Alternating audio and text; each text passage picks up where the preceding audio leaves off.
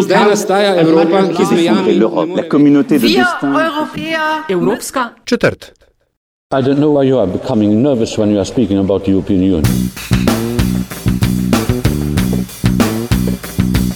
Spoštovane in cenjeni, dobrodošli v Evropski četrti podcast o vsem, kar vas bo zanimalo o Evropski uniji, pa niste vedeli, koga vprašati. Podcast vodiva Aljaš Pengov Bitenc, urednik Radia Chaos in Nataša Briški, urednica Metine liste. Evropska četrt domuje na spletni postaji metinelista.si, v vašem nabiralniku pa sveža epizoda vsak drugi ponedeljek, se pravi danes. Prva briški na severnem polu tudi danes manjka, a iz dobro obveščenih virov smo izvedeli, da se je že vrnila v domače loge, a bo aklimatizacija na temperature nad ničlo verjetno trajala nekaj časa. Zato še danes Evropsko četrt vozim Pengovski v solo izvedbi. Moja tokratna gosta sta ustvarjalca izvrstnega podcasta The Europeans, ki je na nek način podoben Evropski četrti, a se ukvarja predvsem z Evropo in Evropejci in vsak teden znova dokazuje, da je ta kontinent poln zanimivih in ustvarjalnih ljudi. Takšne sta tudi Katie Lee in Dominic Kramer, ona je novinarka, ki živi in dela v Parizu, on pa operni pevec v Amsterdamu. Pogovarjali pa smo se jasno v angliščini. So, this is the uh, European quarter, the uh, English version of the podcast uh, I'm hosting with Natasha Berishki. Natasha is still somewhere close or at the North Pole at the day of, of, of this recording, but um, hopefully she will get back. She will have gotten back rather uh, by the time this uh, this episode is published. And i have the great great the greatest privilege of, of uh, welcoming and saying hi to Katy Lee a paris-based reporter and Dominic Kraemer an opera singer in amsterdam who are the co-hosts of this incredible and uh, unique podcast called the europeans. Hi guys. Hello, Aljaž. How are you? Uh, excellent. Thank you and uh, so uh, um, uh, thank you thank you so much for for taking the time to talking for and talking to us. Um, i mean the europeans your podcast sort of just hit it off. I, I mean i mean it's it, it- it's just going uh, not ballistic but the other way around. What do you call it? It's going through the roof right?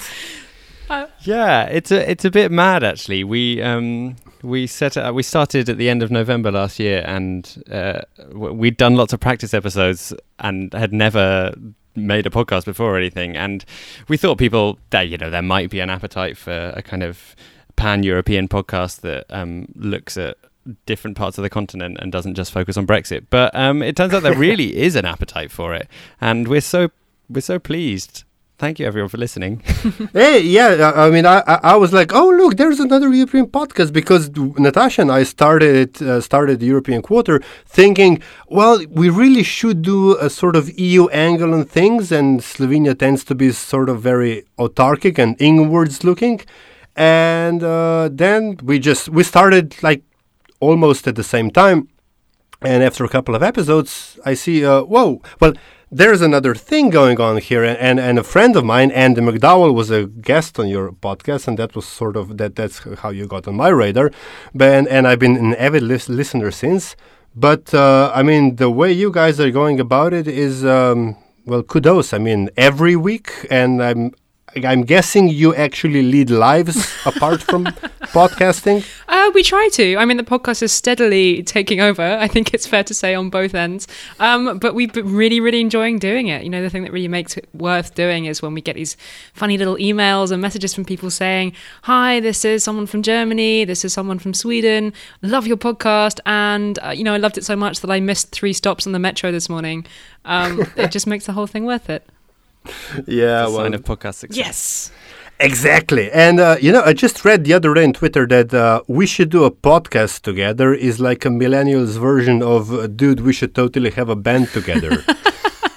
it's funny you say it's a millennial thing. I think it's a kind of midlife crisis thing. You know, I, I've just turned 30, so I was like, oh, I can either maybe try sign up for a marathon or I can start a podcast. So that's why we've got a podcast. Katy, you're killing me here because I have a half marathon in about uh, month's time. and you're doing a podcast, marathon- and I'm, and I'm about to turn 40. So, yeah. Sorry, Uh, anyway, no, no, no, it's it's okay, it's okay. I, it's a lives bleed. But then again, 30 is the new 20. So what are you gonna That's do? right? it. I'm planning to peak at 65. Yeah. exactly. Uh, but uh, to, to to get get the obvious out of the way, what prompted you, the two of you to take the plunge, so to speak?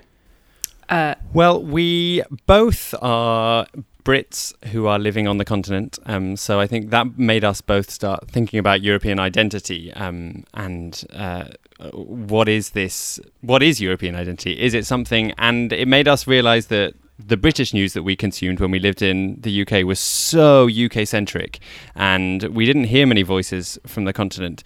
Um, I think it was exacerbated because while we were both living abroad, uh, the Brexit vote happened, and it, it just put brought everything into focus and made us think, wow, uh, yeah, we there's there's been something missing, something that uh, a part of the story that people haven't quite uh, tapped into about why we should be caring about the countries outside our own border. I think. There are some other podcasts about Europe in English, but they tend to be very sort of dense Brussels focused policy podcasts for sort of, you know, people that work for the EU or are really, really interested in like granular policy issues.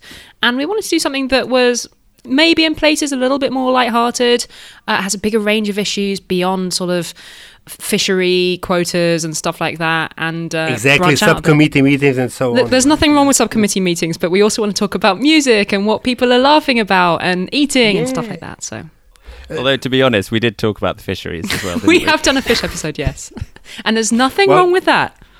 As one does, yes. uh, but Dominic, funny you should mention the identity thing because um, a friend of mine, um, she's British, well, she's English rather, and uh, she said that when she's outside England or the UK, she feels English, but when she's in the UK, she feels European.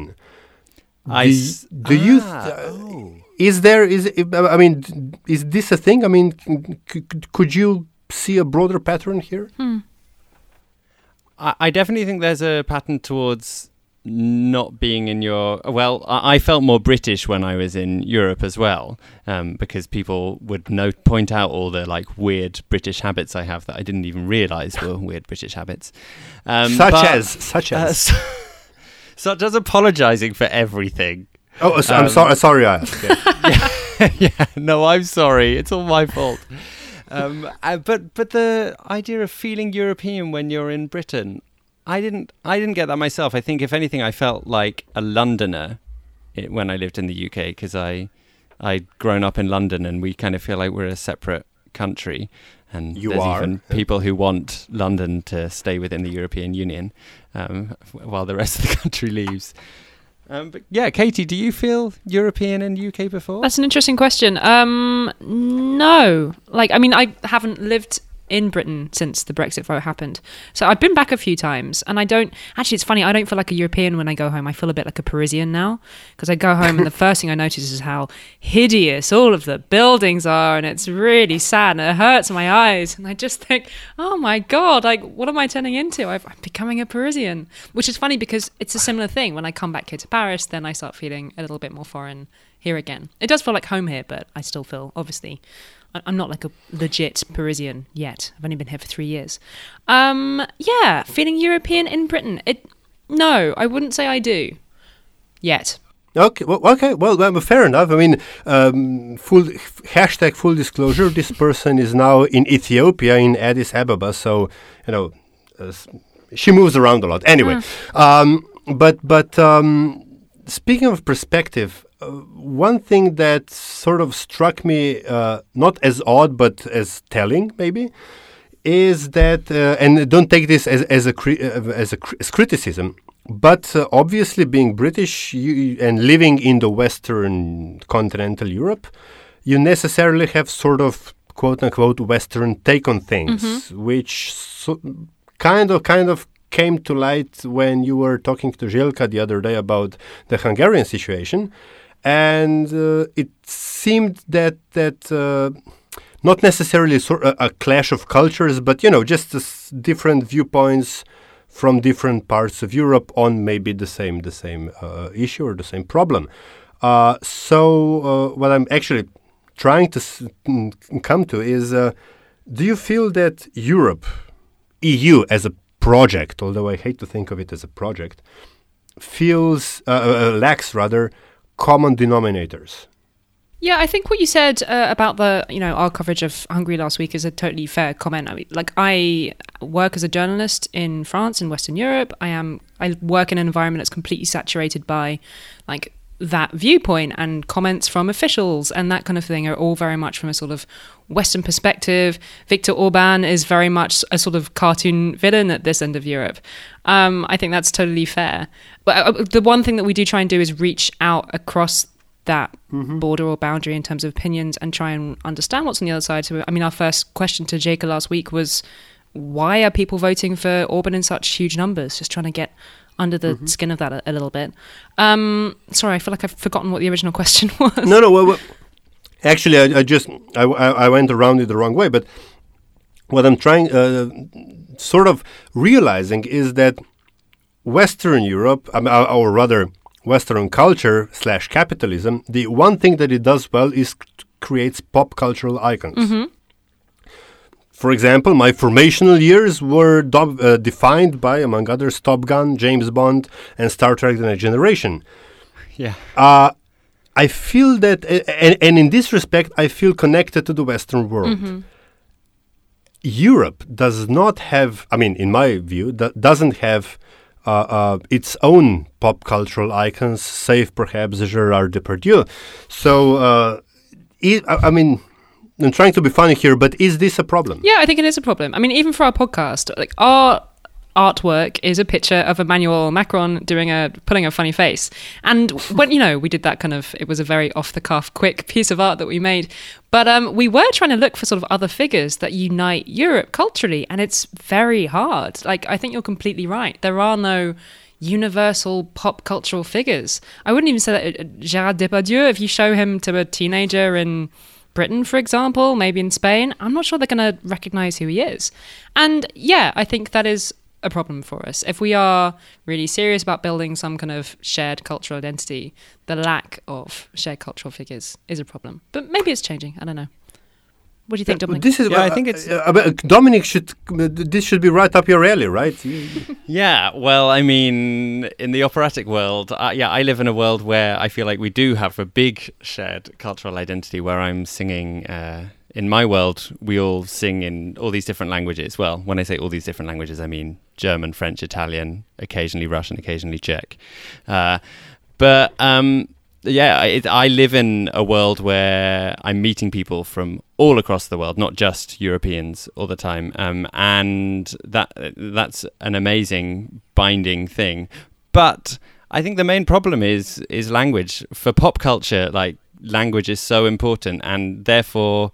Uh, because English is generally considered this universal language um, within pop culture, it's it's the the British and the American stars that seem to um, get the most global exposure. Um, but and I, I mean, one of the exceptions to that is Eurovision, and uh, I know Eurovision is kind of a silly competition uh, full of campness, but I, I actually think it's an amazing thing for making people uh, for, for giving exposure to people in in other countries. Um, and yeah, quite right that Britain never wins the Eurovision Song Contest anymore. I'd say. Make Eurovision great again. it doesn't need to be made great again. It's already great. It's funny. we, Yes. we set up the podcast. Actually, th- th- we started talking about the podcast about the same time as Eurovision uh, was on last year, and we were saying, apart from the Euro football tournament, it's really the only one thing that we do together culturally as a continent in terms of pop culture. Ac- well, actually, it might be quite. I've never thought about it that way. So yeah, wow, okay, fair point. Um, yeah, I was about to ask uh, uh, what's with the Merkel um, Macron imagery, but uh, are are the uh, Emmanuel Macron and um, Angela Merkel the two defining European politicians of the moment, if not era? Uh, I think we might have to add in Viktor Orban these days. You know, as you say, we might might have a sort of Western skewed view at this end of Europe. Uh, I, I wouldn't worry about Orban. I mean, I, I mean, you know. Uh, by the way, don't feel bad about not following or uh, understanding or following hung- Hungary. Slovenia is next to Hungary, and nobody follows Hungary, which sort of is, is our bad. but but uh, uh, no, I, I- I mean I mean strong men are sort of they come and go in this part of the world. I mean they do damage stuff like that, but eventually biology does its stuff. It's dark. it is, uh, but no, No, and uh, also quite optimistic. Well, yeah. Thank you. Some, somebody understands me finally. No, but uh, seriously, in terms of um, politicians mm, set um, leaving their what do you call it footprint, if you will, are Angela Merkel and Emmanuel, Macron the uh, Helmut Kohl and François Mitterrand of today's era? Yeah, certainly. And I, I'm sure Macron would like to be or would like to leave an even bigger legacy. Why? What are you laughing about? Well, yeah, it's um, it's, it's such a French thing to to, to um, want to leave a legacy, I guess. Yeah, but I mean, even if you look at Macron compared to his immediate predecessors, you know, like Sarkozy or Hollande, he really cares about Europe and he is determined, I think, to make this one of the things that he leaves behind after. Uh, after he leaves his five years in power, or maybe more than five years in power, he wants to be the man that saved Europe. Um, whether he will do that, or whether you would actually consider what he wants to do saving Europe, uh, those are other very complicated questions. Yeah. Ha. Um, still, uh, do you when do when the two of you do your, episode? How how do you decide uh, wh- what to do, what not to do? Who sets the agenda?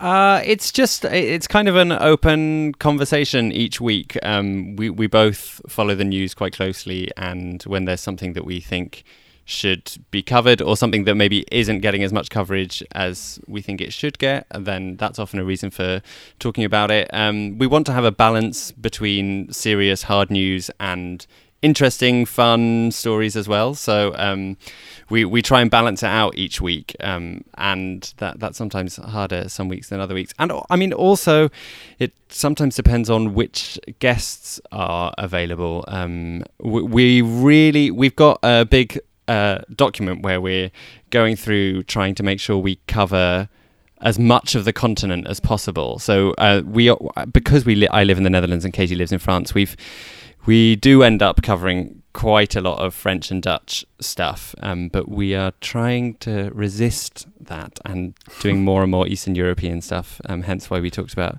Hungary last week. We've got um, someone from uh, the po- uh, Polish lawyer we're speaking to this week Yeah. about the deforestation.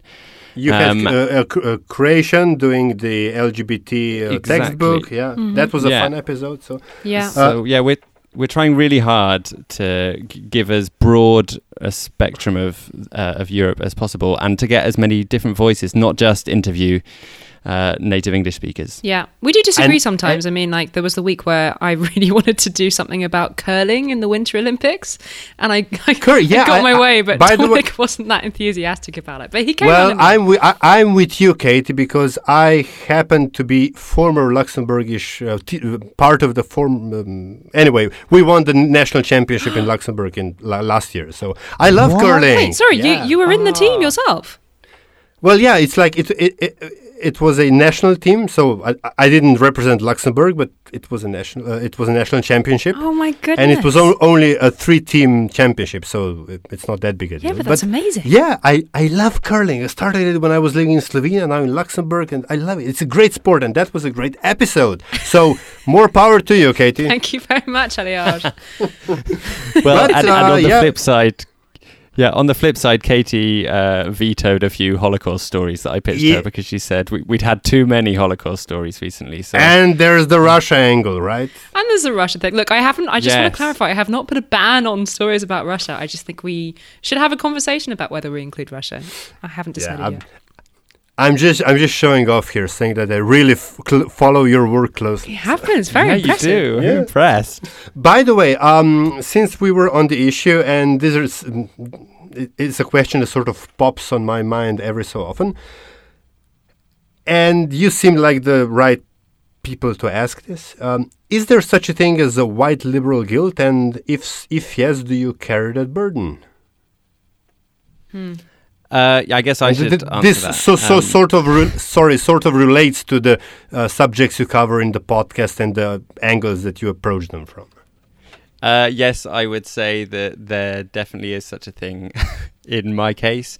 Um, I do, I, I do feel that, and I feel, yeah, that I, I've been, I've grown up very privileged living in London and uh, living this Western European white. ma- I mean, it's not only about being white actually um, in London, uh, but I just, I, I definitely am trying as much as possible to counter that with the stories we cover. Yeah, for me it's a little different because I'm mixed race. My half of my family is Vietnamese, so it's kind of like semi-white guilt, I guess. um, it, for me, it's more about like it's really important to me that we um, like display on our podcast a Europe that is diverse and sort of you know diverse in an optimistic way as well, and that we talk about race and that we talk about um, homophobia and sexism and all of these things like it's personally important. I don't really think of it as like a guilt thing. I see it as more of a, a kind of a, a duty to to do that. If it doesn't sound too pompous. No, it doesn't actually. I didn't want to put either of you on the spot. It's just that sort of, you know, uh, I come from a background that sort of um, did not have these things ingrained. We sort, I sort of had to learn them as I as I grew up. I guess it's different for for people who are growing up and who are in their teens today or whatever, and hopefully a better world for them. Uh, so yeah, I what can I say? I mean, I, I could go in for uh, on and on and on, but uh, oh, uh, speaking of which, are you guys time limited in terms of, of how long a, a, an episode of the Europeans podcast is? Uh, we have a sort of semi-hard thirty-minute boundary. Uh, we try very hard. I mean, I think we've gone like a few minutes over. But yeah, I mean, we try and keep it a lot mm, tighter edited than maybe some podcasts go. You know, we're not one of these two-hour chat shows where people just ramble on for ages. We like to get to the. Yeah, point. and it, It's a big continent. uh, we're quite busy. also uh, it sort of keeps the conversation brisk, right? Yeah, I think so. Yeah. yeah. Anyway, uh, I don't want to take up too much of your time. I'm guessing uh, there's another episode in the making. Yeah, we're about to Uh, record the rest sure right now. Yeah, I know. I, s- sort, I, I was sort of penciled in just uh, on your schedule. Uh, so the, the um, weekends are, are your podcast days, right? Uh, it really depends. Well, I, I would yeah. imagine. Although often, um, if we want to speak to someone who's like a professional, like a lawyer, um, they're only available during office hours. So sometimes w- one of us, when available, has to try and sneak in a, a midweek time. Yeah. Um, but it, it's tricky working around our schedules because we both work quite busy jobs outside of the podcast Yeah. hobby. If nothing else, you make photos of presidents go viral, right, Katy? yes, I did. Oh, you saw that then. That that wasn't my fault. Everybody saw that. Hello. For the record, I just want to say it wasn't my fault. Um, for some of your listeners who might not know about this, uh, there was a picture of the President Emmanuel Macron wearing a sort of quite odd combination of this roll neck, turtleneck jumper with a suit jacket over the top that was kind of the same color. It looked very strange, very kind of Star Trek. He looked like a like a James Bond villain. Yeah, he did. Well, some people, many, many people retweeted it with that joke, and um, a, a couple of photoshopped versions were put in, including one of the. I think someone put a cat over the top to make him look like a James Bond villain, It was hilarious. Come on. and someone put like a uh, like a jazz piano in front of him. It was very funny. I just don't want to get in trouble with the president for laughing at him. It, wa- it wasn't my fault. It wasn't intentional. We might actually get in trouble with the president again because uh, we we've been nominated for this EU prize, the Charlemagne Prize for Youth, and as Katy mentioned, our logo is an angry picture of Macron, and he is. We just found out recently that he's attending the event, um, and if we won, his face will come up on the Oh, screen. I'm so- I- Won't. I- we will do everything to I'm avoid that happening. I'm so rooting for you guys. Come on. Thank you, Aljaž. Listen, thank you, thank you very much for taking the time. Uh, um, here's to many, many more episodes of the Europeans. And um, what can I say? Uh, I'll see you, or rather, hear you on uh, on Tuesday. Tuesday is your publishing day, right? It is indeed. That is, we'll be out on Tuesday. Okay. Thanks. Thank you so much. Thank you so much. To je bila torej Evropska četrt. Predlogi, mnenja, pohvale in kritike so dobrodošli na infoafnametinalista.si, na družbenih omrežjih pa je uraden ključnik hashtag Evropska četrt. Glasbena podlaga je delo audionautics.com, če pa boste privoli, da naj jo z Natašo ocenite pri vašem izbranem podcast ponudniku, hvala vnaprej. Hvala tudi za vašo družbo, se slišimo spet prihodnič v popolni zasedbi. Upam.